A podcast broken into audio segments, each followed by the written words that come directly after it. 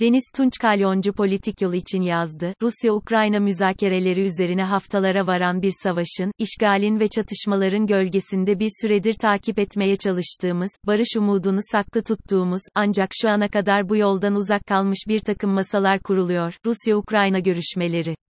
Şubat ayının sonundan bu yana, hem Rusya'dan hem de Ukrayna'dan ikili görüşmelerin yapılabileceğine dair mesajlar veriliyordu. Ancak hangi ölçüde ve daha da önemlisi görüşmelerin nerede olacağını kararlaştırmak sanılandan biraz daha zor oldu ve sonunda Belarus'ta karar kılındı. Aradan üç görüşme geçti, insani koridorların açılması ve açılacak koridor güzergahlarında geçici ateşkes sağlanması dışında henüz bir adım atılamadı. Dün ise, daha üst düzey bir görüşme olarak Antalya'da Rusya Dışişleri Bakanı Sergey Lavrov ve Ukrayna Dışişleri Bakanı Dmytro Kuleba, Türkiye'nin arabuluculuğunda ve ev sahipliğinde bir araya geldiler. Görüşme sonucunda iki Dışişleri Bakanı da ateşkes üzerine uzlaşma sağlanamadığını ama diplomasi masasının devrilmediğini açıkladılar. Türkiye'nin bu hareketi, tercihten öte bir zorunluluk hali. Türkiye, imkanları ölçüsünde burada tarafsız kalmayı başararak, bu savaşın yaratacağı doğrudan ve dolaylı etkilerden en az şekilde sıyrılmayı hedefliyor. İki tarafla da diyalogun sürdürülmesi ise, henüz net bir sonuç alınamamış olsa da değerli görülmeli. Üç turu tamamlanan ve önümüzdeki günlerde dördüncü turu yapılacak Ukrayna-Rusya görüşmelerinde veya Kuleba-Lavrov görüşmesinde neden ilerleme kaydedilemedi sorusuna belki de tarafların bakış açılarıyla cevap vermemiz gerekiyor. İlk görüşmeden itibaren, hatta öncesinden iki ülkenin de taleplerini ve kırmızı çizgilerini az çok biliyoruz. Rusya, öncelikle Kırım'ın Rus toprağı olduğunun kabul edilmesini, sonrasında Ukrayna'nın doğusundaki Lugansk'ın ve Donetsk'in tanınmasını talep ediyor.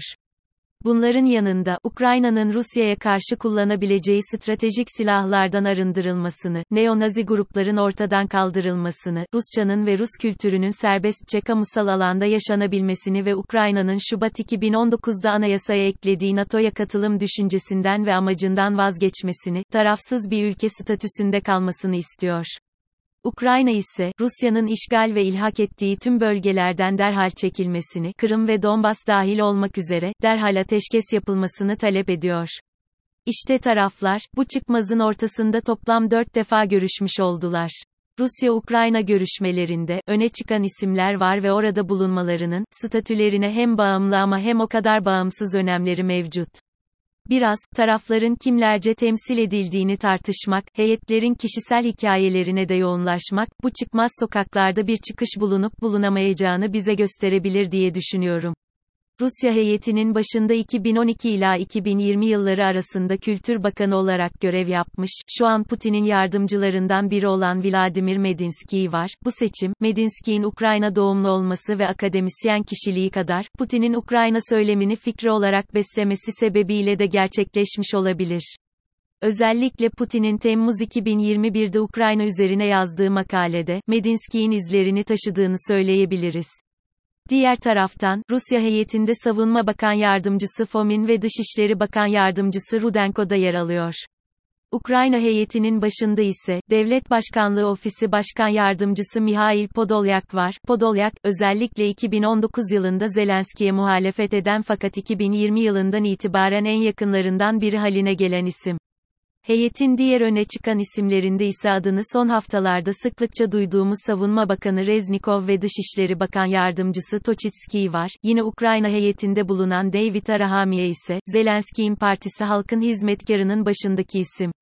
Görüşmelerin bu bağlamda üst düzey gerçekleştirildiğini, tarafların taleplerini birbirlerine ilettiklerini ve bir sonuç alınması bakımından bu görüşmelere değer atfedilmesi gerektiğini düşünüyorum. Çatışmaların eş zamanlı yaşanması ise, masadaki konumu etkilemek bakımından önem arz ediyor. Az önce de bahsettiğim gibi, Ukrayna ve Rusya talepleri ister istemez birbirleriyle çelişiyor ve belki bir tarafın, belki iki tarafın da fedakarlık yapması gerektiği bir duruma doğru evriliyoruz. Zelenski'nin NATO konusundaki farklı seçeneklerin değerlendirilebileceği açıklamaları, barışın tesisi konusunda olumlu bir gelişme. Nokta. Yine de, Ukrayna yönetimini Zelenski'den ibaret sanmamak, içeride farklı mücadelelerin olduğunu bilmek gerekiyor. Rusya tarafında ise, özellikle Peskov'un da 11 Mart'ta yaptığı açıklamaları da düşündüğümüzde, Rusya, kendi taleplerinden en azından şimdilik vazgeçecekmiş gibi gözükmüyor ve çatışmalar devam ediyor. Görüşmelerin seyrini etkileyebilecek diğer süreç ise, Ukrayna'nın ve Rusya'nın, Ukrayna topraklarında yabancıların hatta belki de paralı askerlerin savaşına onay vermesi. Önce Zelenski, seferberlik süresi boyunca Ukraynalılar, yasal yollarla Ukrayna topraklarında bulunan yabancılar ve vatansız kişiler hakkında bir kanun imzaladı. Kanuna göre, bu kişilerin tamamı, Rus askerlerine karşı silah kullanabilecek. Putin ise, Donbas'ta yaşayan insanlara yardım etmek gönüllüler varsa, onların savaş bölgesine gitmelerine yardımcı olun. Açıklamasını yaptı. Savunma Bakanı Şoygu, Orta Doğu ülkelerinden 16 binden fazla insanın Ukrayna'ya gönüllü savaşmak istediği belirtti. Ukrayna topraklarında sivil ve asker ayrımının gittikçe yok olmaya doğru gittiği, çıkmaz sokakların arttığı ama masaların da yerinde durduğu bir döneme gidiyoruz. Peskov'un, Putin-Zelenski görüşmesi mümkün açıklaması ise, en azından barışa dair umudu saklı tutuyor.